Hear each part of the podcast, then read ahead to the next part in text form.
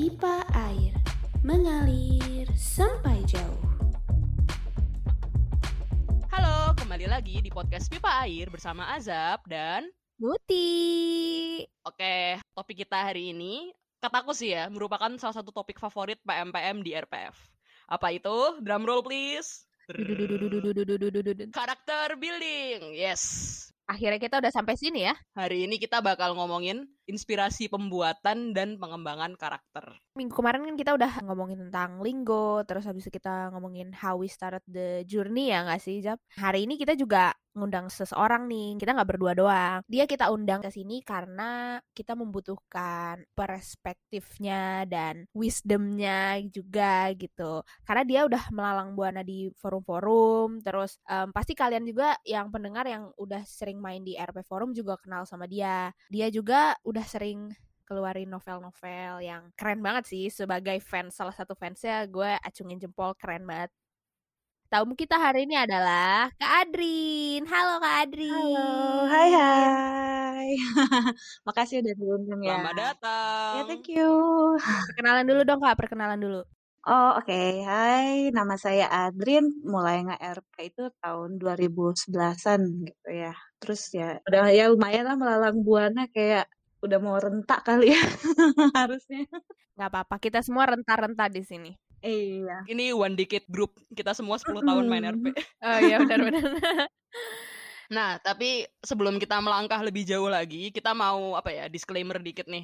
Pertama, karakter itu hal yang sangat personal ya. Jadi apa yang kita bahas di podcast ini bukan yang paling benar. Dan di sini kita cuma eh, bertukar pikiran gimana caranya membuat dan mengembangkan karakter sesuai selera kita karena yang menikmati kan kita ya pada akhirnya kita harus sparks joy jadi kalau karakter kita nggak bikin betul. seneng kita ya buat apa Mm-mm. dibikin Iya, iya sebenarnya betul. juga aku juga kayak masih belajar gitu. Dan ini untuk podcast episode ini aku ngumpulin dari beberapa webinar penulisan yang pernah aku ikutin gitu.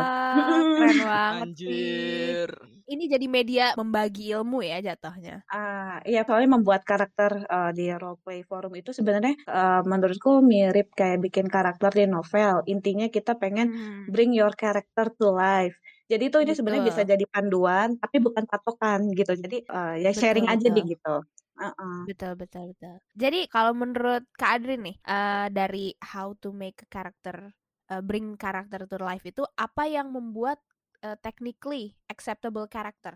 What makes a technically acceptable character menurut Kak Adrin? Sebenarnya kalau karakternya itu bisa jadi hidup karena eh, relate gitu loh sama kita sendiri, nggak terlalu nggak terlalu wah, nggak terlalu aduh gimana? gitu. Pokoknya ya gimana gimana? Maksudnya kayak grounded to reality ya walaupun sky's the limit harus ada realita-realita yang tetap menjaga karakter tersebut relatable ke otak kita sebagai manusia biasa kayak gitu ya? Iya, soalnya kan guys kalau misalkan kayak gitu yang baca pun jadi ah ya ampun ini kayak kayaknya eh, kisahnya kok mirip-mirip sama aku ya gitu. Ah, gitu ya. Jadi pembaca pun jadi ikut ngerelate sama karakter yang kita bikin gitu ya. Makanya Mm-mm. lebih hidup dan lebih diterima oleh pembaca gitu ya. Iya, dan itu juga sebenarnya ada beberapa dasarnya sih nanti yang mungkin kita bisa bahas dari segi nama, terus nanti bikin kepribadiannya gimana gitu. Jadinya si karakter itu juga bukan cuman buat numpang lewat gitu loh. Kayak apa kita ngerasa kayak ibunya gitu loh. oke terus kalau misalnya di breakdown gitu misalnya bikin karakter itu dari apanya dulu nih namanya kah atau fisiknya dulu kah atau Hmm. kayak gimana Nah, sebenarnya itu eh, orang lebih fleksibel. Kalau dari segi nama nih, eh, kita mau cari dulu kan namanya, aduh enaknya siapa nih ya, dipanggilnya gimana. Eh, ada beberapa yang Hmm. misalkan nama itu dari mendukung karakteristik yang diinginkan. Misalkan, wah aku mau pengen yang kuat namanya, eh, jadinya namanya Jatiwesi gitu, kayak di Aroma Kasa gitu. nama adalah doa ya berarti ya Tapi sebenarnya lebih eh, fleksibel aja sih kalau soal nama. Yang penting kalau misalkan bikin nama, please eh, jangan eh, ngeribetin diri sendiri pas nulis RP-nya sa- sampai kayak copy paste untuk deskripsi gitu. Soalnya itu Oh, aku iya, iya. Pernah bener pernah bener bener sampai ah ini gimana cara nyebutinnya ya udahlah copy paste aja. Jadi setiap Ya kan. kali Kak Adrin nulis itu di copy paste. Ada yang pernah misal aku main sama karakter sampai aku pun nggak tahu itu lupa namanya siapa. Aku nggak bisa nyebutinnya pokoknya gitu loh. I see, I see, I see. kayak nama apa sih putri-putri yang Sheze Shehe Sheherazade apa sih She- ya kayak gitu-gitu Shezera kan HD. Shazrahaya ya itulah pokoknya lidah-lidah jelata kayak aku kan nggak bisa bacanya Iya iya iya iya. Ya. Tapi balik lagi paling ya karena ini RPF kan balik lagi ke penamaan setiap forumnya gitu kan ada Iya syarat-syaratnya. betul. Iya sama sesuai settingnya juga sih. gitu. kalau Oke. misalnya kayak di Indo gitu nggak perlu first name last name nggak apa-apa ya tapi kalau bule atau Asia Timur gitu kan emang ada nama keluarga sama nama Iya betul. nama depan jadi emang harus ngikutin forum tersebut Iya. Oke lanjut. Tadi kan ini nama ya. Terus kalau soal fisik ya gitu? Visualisasinya ya. Iya itu kalau visualisasi tuh biasa. Kalau kita kita tuh dari mata turun ke hati. Jadi kita lihat mata dari dari pembuatan. Wah. oh iya benar-benar benar. Benar benar dulu kayak pernah ada masa itu deh. Tahu nggak sih? Kalian udah main sih harusnya. Ketika ada beberapa forum pasti ada karakter yang matanya tuh heterokromia satu biru satu coklat satu hijau satu Oh iya abu-abu itu gitu pernah. ha-ha. Ini salah satu cara kita buat bikin karakter kita beda dari karakter PM lain gitu. Salah satunya dari secara fisiknya ini. Jadi untuk visualisasi memang penting, tapi eh, sebaiknya nggak cuman eh, di, yang diulik tuh wajah tampan atau cantiknya gitu. Aku juga kadang eh, lebih suka ngulik flows-nya, misalkan bintik wajahnya, jarak mata antara mata, Ah. Terus Oh. kebiasaan apa yang dilakukan karena fisiknya itu, misalnya rambutnya tuh panjang, sering nutupin dahi, jadi kayak punya kebiasaan menyibak gitu.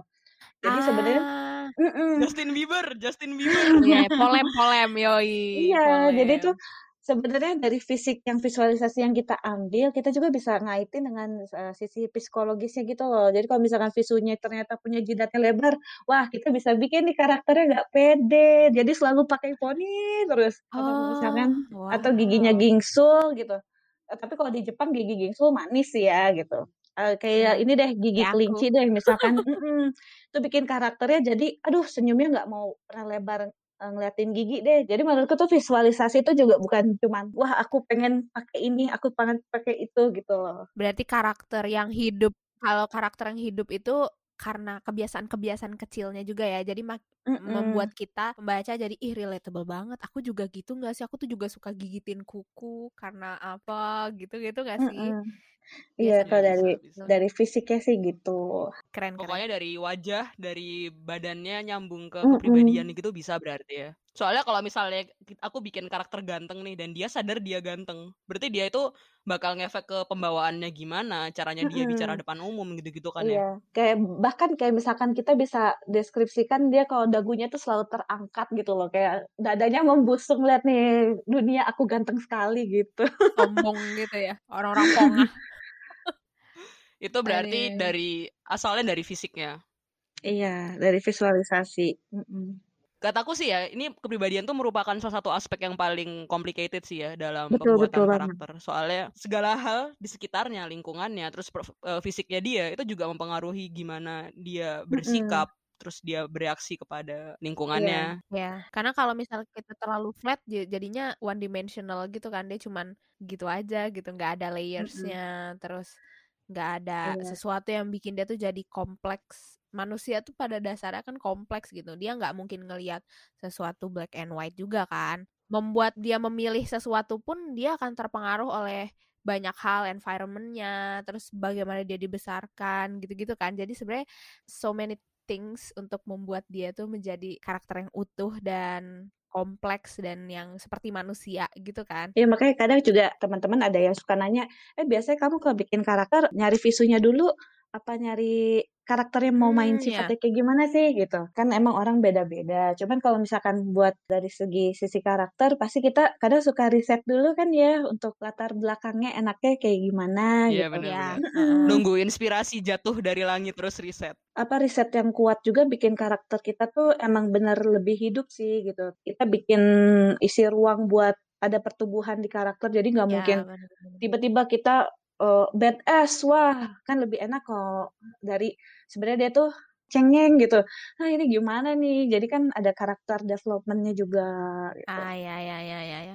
Tapi bukan berarti karakter yang simple itu nggak asik dimainin ya simple itu juga bisa menarik dan asik gitu Jadi pembuatan karakter itu sifatnya nggak linear ya, nggak ada satu Mm-mm. konsep pakem.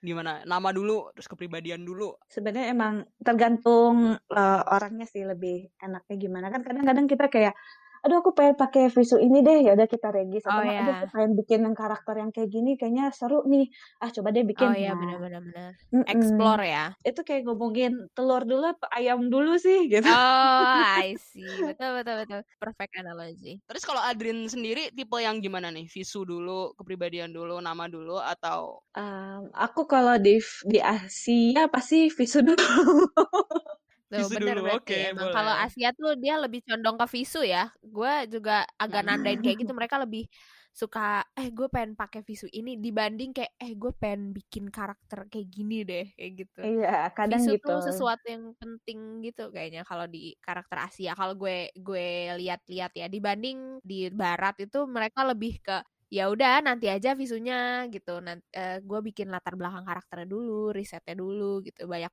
banyak sih Iya. gue ngelihat kayak gitu. kayak lihat dari yang kemarin ya yang Kak sama Dini eh, mungkin karena kalau visu Asia lebih banyak karakter driven kan ya jadi Mhm. mungkin ba- makanya banyak lebih milih ah visu dulu deh gitu biar moodnya bangkit? Mm-mm, mm-mm.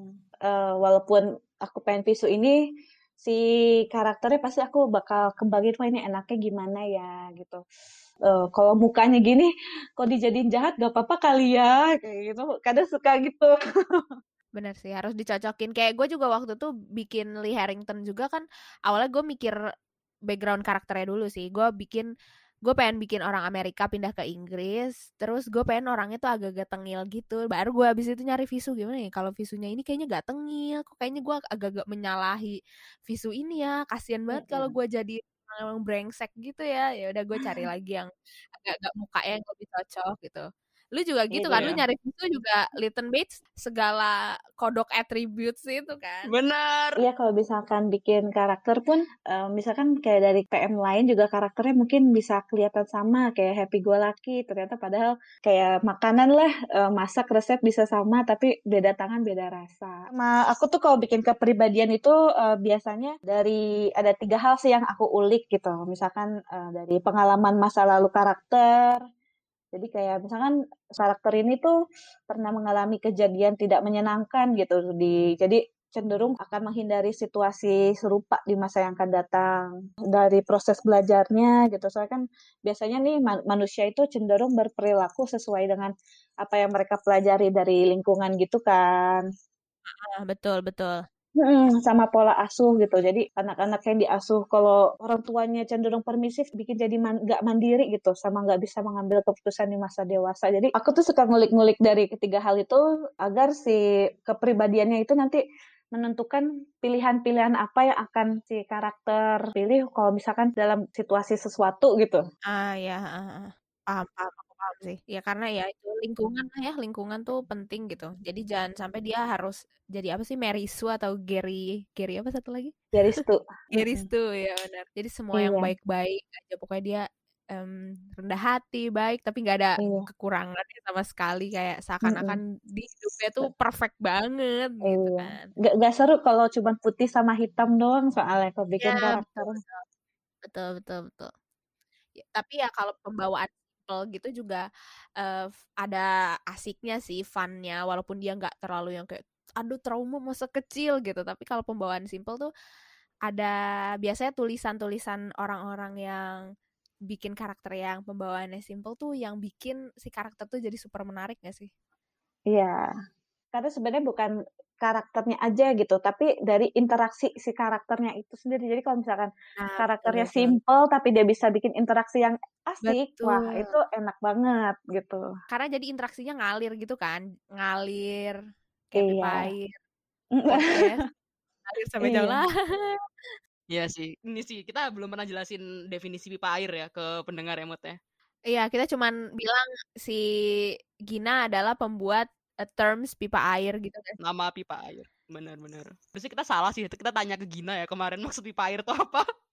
Tapi kalau dari interpretasiku sih ya, pipa air tuh intinya kita cuma kayak bikin satu karakter default dengan perencanaannya ketika tadi udah disebut sama Adrin. Habis gitu bener-bener nggak ada relasi apa-apa lagi. Kita taruh di forum, kita biarkan dia dibentuk oleh lingkungannya.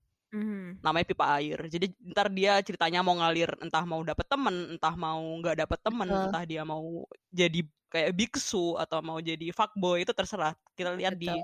forum bawaannya dia gimana. Betul betul. Itu terjadi sama gue sih sebenarnya. Karakter gue yang Lee Hmm. Harrington itu Sama kita. Iya, no relation, and then I found you. Oh, love, love. Oh, Ya, itu itu itu contoh pipa air sih. Lee Harrington adalah karakter yang dibuat tanpa relasi. Dia benar-benar baru di negara itu pun baru. Dari Amerika dia pindah ke Inggris, terus benar-benar nggak kenal siapa pun di Inggris kecuali keluarganya yang stay di Inggris. Terus dia masuk sekolah baru dan dia building friendship. Terus dia ketemu orang yang dia nggak suka, ketemu orang yang dia suka, ketemu adik kelas yang dia suka dan lain-lain sebagainya. Tapi si pipa air ini bukan satu-satunya cara untuk uh, bikin relasi di forum kan. Ada satu lagi namanya fix plot, dia nggak sih? Fix plot itu Ya, adalah betul. ya, karakter yang udah udah dari awal saat diregis dia udah punya relasi dengan karakter lain yang Iya. juga sama-sama diregis gitu atau yang diregiskan sebelumnya gitu kan kak? Iya, jadi kayak emang eh, kadang ada yang kayak eh janjian yuk kayak mau ngeplot kita suami istri tapi lagi Oh mau ya. cerai nih ya kayak gitu. Terus ya udah akhirnya plotnya bagaimana dari proses mereka yang tadinya eh, menikah terus merasa tidak baik-baik saja sampai cerai kayak itu eh, fix plotnya Dark kayak banget gitu. sih ya ampun. Contohnya iya, contohnya dark banget ya kak. Tuh, bentar dulu. Iya nggak apa-apa sih. Kenapa contohnya marriage story nih? Iya itu sedih banget ya ampun. Itu tuh ada macam-macam sih ya, eh, nggak mesti iya. pasangan kan ya. Ada yang ya kakak bisa. Kakak adik betul ada yang teman dari masa kecil nah ini Hmm. paling favoritku nih teman dari kecil tuh Oh gitu. Kenapa kak? Kenapa Kenapa favorit? kenapa?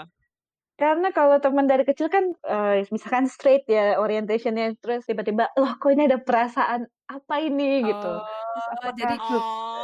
Eh, eh, ini su- ini suka nih trope favoritnya kak Adrin ya. yang dari yang denial denial lucu sampai denial pengen marah-marah terus akhirnya mengaku aku tuh sebenarnya suka sama kamu Iya. ya kayak gitu Aku nah jadi aku suka malu.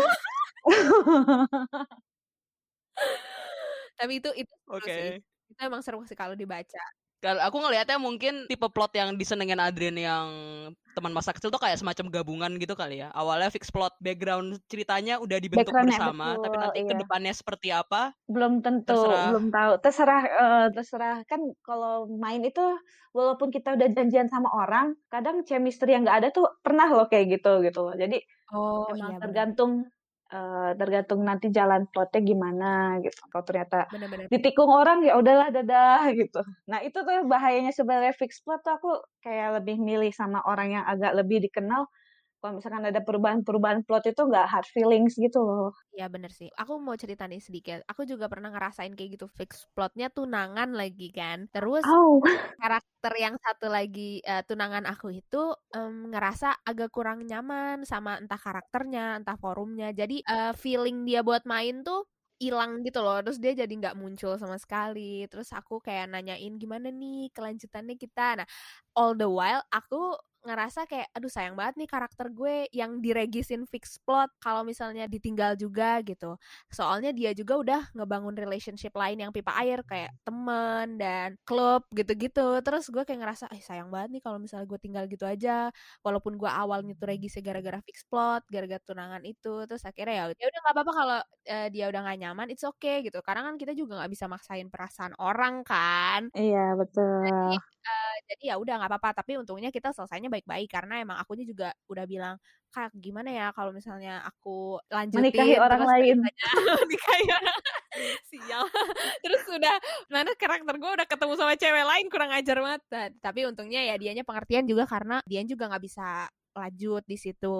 Ya udah akhirnya kita eh, baik-baik deh selesai kayak gitu. Kita putuskan untuk berhenti di situ fix plotnya. Tapi untungnya karena gue nya bisa melanjutkan cerita tanpa bergantung sama si fix plot itu karakter gue berkembang gitu gitu sih untungnya Fix plot ini emang apa sih ya pedang bermata dua. iya betul Soalnya aku kan tipe yang hampir nggak pernah fix plot. Kayak aku seumur hidup 10 tahun main RP ini aku fix plot cuma dua kali kalau nggak salah. iya iya Terus iya. itu anu nggak jalan karena emang akunya nggak bisa main di forum yang ya begitulah Intinya banyak Iya. faktor dan ketika aku tahu hal itu terjadi, aku nggak bisa eh, memaksakan karena ya itu ini salahku sih. It's it's it's not you, it's me karena aku yang hilang ya. Ini aku Hmm. dari pihak di kan Ada dua pihak yang sisi, ya. ditinggalkan. Iya, aku yang meninggalkan karena aku nggak bisa kalau di forum daily life itu salahku sih emang. Ya, tapi ya namanya juga kita kan pengen coba-coba kan. Pasti kan kayak ah ya udah I'll, I'll give it a try kayak gitu kan. Namanya juga manusia Iya. pengen explore. Tapi ya kalau misalnya emang nggak bisa ya nggak apa-apa, nggak usah dipaksa sih. Ya, makanya kayak RP itu kan kerjasama sih sebenarnya. Jadi selain engagement Betul. juga ada perlu komitmen juga gitu. Cuman Iya. kalau kita bilangnya komitmen tuh kayaknya jadi serius bisnis gitu. Padahal sebenarnya sih enggak. Iya benar. Ya intinya gue nggak tahu siapa yang coin the term collaborative writing, tapi ya RP itu generally adalah collaborative writing. Jadi kita butuh orang lain untuk menambahkan interaksi, mengembangkan cerita kita. Karena yang dari tadi kita omongin soal yang eh, yang Kak Adrin bilang karakternya ini dulu pernah kayak gini, jadi sekarang di kondisi sekarang akan menghindari situasi. Nah, menghindari situasi itu kan nggak mungkin dia menghindari sendiri kan, pasti ada input dari orang lain, dari thread yang dia mainin, thread yang dia bikin sama orang-orang gitu. Jadi em, nggak mungkin kita berkembang tanpa ada input dari orang lain gitu sih. Iya betul. Udah betul doang, nggak ada opini lain. Cerita juga dong, masa aku sama Muti doang yang curhat apaan? Fix plot gimana tadi? Fix plot nggak ada input apa-apa nih. Ya mungkin aku bakal cerita yang salah satu yang di Witchbury juga. Kayak apa sih yang uh, you are my favorite what if gitu loh. Jadi waktu pas Oh, I masih. Tolong hatiku. Iya, yang waktu dulu pas di sekolah temenan gitu deket gitu. Terus pas lagi mau perpisahan gitu, dia tuh mau gue cium apa enggak sih sebenarnya gitu loh.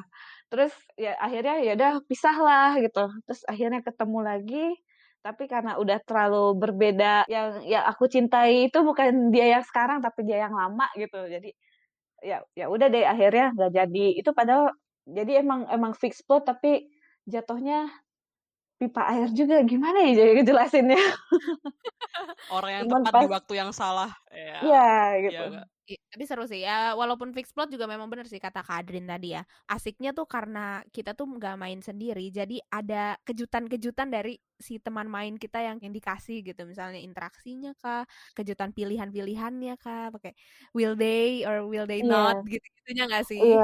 Iya soalnya kan karakternya juga kan masing-masing kayak punya keinginan dan tujuan dalam hidupnya ternyata eh, keinginan mereka tuh berbeda gitu jadi akhirnya Kayak menyatukan orang yang family oriented sama karir oriented kan kalau Iya. dipaksa nggak bisa ketemu. Kalau nggak ada kompromi. Mm-mm. iya.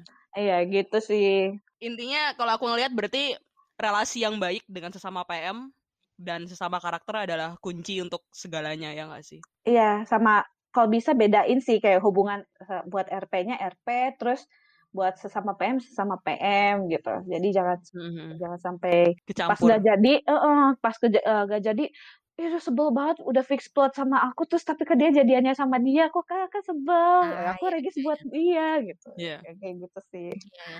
benar-benar gak bisa dipatok soalnya kan kita nggak pernah tahu ya kadang si karakter itu bisa jalan sendiri maksudnya eh, keinginan karakter sama keinginan PM tuh bisa beda banget gitu betul betul Iya, iya benar benar benar. Nggak ada yang tahu. ya karena kolaboratif ini ya pasti ada ada kekurangan dan ada kelebihan gitu kan tapi yang Mm-mm. aku pengen omongin juga nih adalah penulisan yang kurang baik gitu nggak sih input seperti apa yang benar dan input seperti apa yang salah gitu nggak sih Jap that's why we want to talk about sedikit tentang bad RP atau tidak boleh dilakukan selama kalian melakukan RP karena Mengkhianati kepercayaan orang. Ya intinya ini this is a no no kalau misal kalian main RP RP apa pun jenisnya mau RP Twitter kayak mau RP forum kayak apa pun jenisnya RP jika ini terjadinya kolaboratif eh hal-hal yang bakal kita jelasin selanjutnya ini nggak boleh sama sekali dilakukan bener gak sih Jap? Coba dong Jap jelasin yang Mm-mm. pertama deh. Yang pertama umbrella term ya, ini god modding. Ini istilah umum sih. Salah satu itu kayak membuat karakter yang sifatnya nggak terkalahkan atau seperti Tuhan. Ya, terlalu menonjol sehingga tidak realistis dan tidak grounded ke reality gitu. Kayak yang tadi kan Adrian bilang karakter yang baik adalah relatable. Jadi ini sangat tidak relatable to the point that it's annoying and Ya nggak make sense aja misalnya Leighton Bates bisa terbang tapi di kehidupan Inggris eh, 1940 yang apakah dia ada di MCU gitu? Kalau dia ada di MCU oke fine, tapi kan dia nggak ada di MCU. Anywho, Heeh. Em, yang selanjutnya nih, gue akan menjelaskan soal power playing. Power playing itu sebenarnya istilah gampangnya itu adalah dia menggerakkan karakter orang tanpa izin. Ketika kamu punya karakter, kamu hanya berhak be- menggerakkan karakter kamu sendiri tanpa kamu boleh menggerakkan karakter orang lain eh, sekecil apa pun. Sekecil kayak bikin karakter itu menggerakkan tangan, bikin karakter itu ngomong apalagi lebih parah lagi. Apa pun lah pokoknya sekecil apa pun itu nggak boleh menggerakkan karakter orang tanpa izin. Kecuali dengan izin karena ini kan ngomongnya tanpa izin kecuali dengan izin. Kalau udah izin dan eh, dua pihak itu sudah pakat oke ya udah itu itu silahkan dilakukan. Itu enggak walaupun kita acknowledge tindakan itu adalah eh, power playing tapi sudah dengan izin jadi kita allowed gitu selanjutnya itu ada satu lagi namanya metagaming. Jadi dia tuh memasukkan pengetahuan yang ORP ke dalam IRP.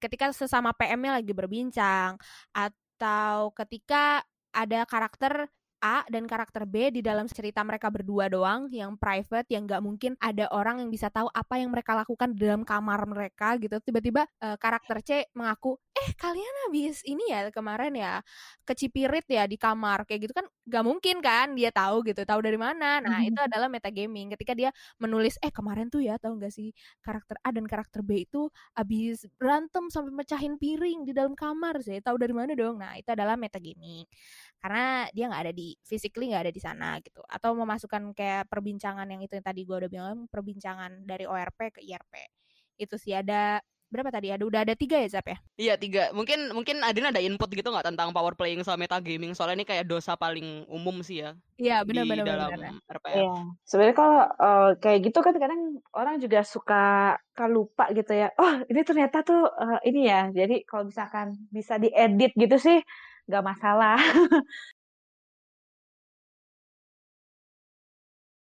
Malah menurutku yang paling agak nyesek tuh reckoning sih.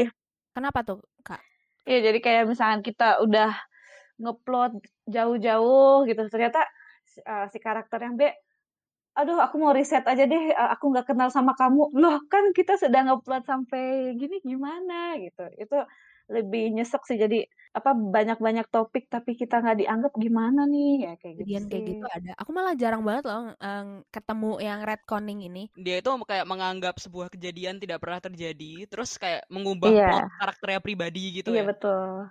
tanpa konsen ke pihak yang Pihak yang satunya gimana sih? lain. Kadang, Satunya. kadang pernah kak kayak gitu Eh, pernah diceritain doang. Alhamdulillah nggak. Cuman Iya sih. iya sih kalau kejadian kita nyesek sih ya Soalnya kan kalau yang lain-lainnya mungkin ya emang bikin kesel sih, cuman kan masih bisa diomongin gitu kayak, oh ya deh postku aku edit aja, nah yang kayak gitu kan masih ah, bisa. ah, bener bener bener bener sih Gitu. tinggal kesepakatan dua Udah kayak di ghosting serem banget. Iya bener, jatuhnya kayak ghosting sih. Tapi versi karakter yang kita udah membuat susah payah, terus plotnya kita pikirin bareng-bareng, susah senang bersama harus dilupakan begitu saja. Oh sakit. Iya. soalnya pasti kan itu ngaruh ke plot yang ini kan plot yang satu orang lagi itu yang involved di situ kan Iya, pasti sampai ke sana sananya dia misalnya dulu pernah eh, bingung Heeh, jadinya. pasti bingung dia kayak memposisikan ah terus karakter gue tiba-tiba mendadak lupa juga gitu kayak nggak bisa tiba-tiba ujuk-ujuk dua orang jadi amnesia gitu kan Iya. Pokoknya intinya RP itu kayak segala hubungan yang sifatnya sukarela harus ada konsen di antara semua pihak yang terlibat. Ya nggak sih? benar-benar benar Iya betul. Harus Wow. ada kepercayaan dan apa ya good wow faith. so heavy ya so heavy ya terakhir-terakhir Iya. ini Soalnya kayak katanya Adrin, karakter tuh anak kita, itu kayak bagian diri kita gitu loh. benar sih Ya Iya benar. Kita pasti tuh ada ada serpihan kitanya gitu loh. Eh, soalnya kan kadang kita juga mungkin lebih enak mainin yang sebenarnya familiar. Kecuali kalau emang eh, jatuhnya mau riset riset banget misalnya dari segi profesi atau nantinya sifatnya eh, gimana misalkan eh, bipolar kan itu juga pasti harus punya risetnya juga tuh. Ah, oke Iya. Sama iya sama aku mau nitip pesan aja sih. Jadi eh, dari semua itu misalnya karakter yang kita udah bikin dari kepribadian, fisiknya, eh, keinginan dan segala-gala konfliknya tetap yang eh, karakter yang baik adalah karakter yang dimainkan. Kalau Regis doang nggak dimainin percuma. Iya, sayang aja sih karena kan kita pasti mau apa mau lihat perkembangannya kayak gimana gitu. betul Kalau dia dikasih konflik-konflik kayak gini, dia bakal bergeraknya bagaimana kayak gitu sih. Pokoknya yang penting sebenarnya dimainkan dan happy waktu dimainkannya Sparks gitu. joy. Woohoo, hashtag joy in our life, baby. Bener sih, aku setuju banget sih Kak Adrin. Em, dimainin adalah cara terbaik untuk mengembangkan karakter. Role play. Iya, betul. Iya, bener. Bener sih. Ya ini ini kita tidak kita, kita Dimainkan. tidak berusaha menyerang siapa pun ya. Kalau misalnya nanti menyerang, Iya, enggak loh ya, enggak ya. oh my god, aku Karena aku yakin karena aku yakin kita bertiga pasti melakukan hal yang sama sih. Pasti pernah main karakter nggak dimainin pasti. Pernah Semua lah. RP, Sering sekali. semua role player pasti pernah melakukan hal itu, ya nggak Nah, sih? betul betul Jadi betul. itu kayak rahasia umum gitu loh. Kita membuka aib kita sendiri. Iya kayak sama aja sih kayak cerita cerita yang baik itu cerita yang diselesaikan kayak gitu. Betul. Itu spoken like a true true penulis novel lah ya. So cool. Gitu. wow, banyak banget loh informasi dan dan dan wisdom yang sudah di-share. Terima kasih banyak sudah membagi ilmunya ya. Iya, kita sama-sama sharing kok, masih sama-sama belajar. Eh, kita semua sama-sama belajar. Walaupun kita udah 10 tahun RP, masih banyak hal-hal yang kita baru tahu. Masih banyak banget eh, forum-forum juga yang belum pernah kita cobain gitu. Masih banyak room to grow. Iya, masih banyak yang bisa dieksplorasi. Betul. Benar-benar masih banyak karakter yang bisa kita eksekusi karena sky's the limit. Guys, Iya, iya. Kalau enggak enggak sampai 10 tahun kita nggak RP. Betul, betul banget kalau kita cuman mainnya itu-itu aja ya nggak sih boring. Tidak pernah ada kata terlambat untuk belajar ya. Iya. Anyway, uh, I think that's it for this episode. Terima kasih banyak Adrin. Makasih Kak Sama-sama. Adrin. Makasih juga. Thank you very much for tuning in. Next week we'll be back with the episode finally Woo, udah sampai episode finally. of season 2. Episode finally of season 2 kita bakal bahas tentang karakter pertama dari teman-teman yang main di RPF. Oh my god. Kemarin pada udah submit di twitternya Pipair Pod. Uh, next episode bakal kita bahas semuanya. We will try to include everyone yang sudah ikutan berpartisipasi ya kan Zap? Pengennya sih, tapi mungkin gara-gara constraint waktu mungkin gak bakal semuanya, tapi kita akan mengcover We most will of them try. lah ya. We will try. Ya. Okay, stay tuned for next week for our season finale and see you. Bye-bye. Bye.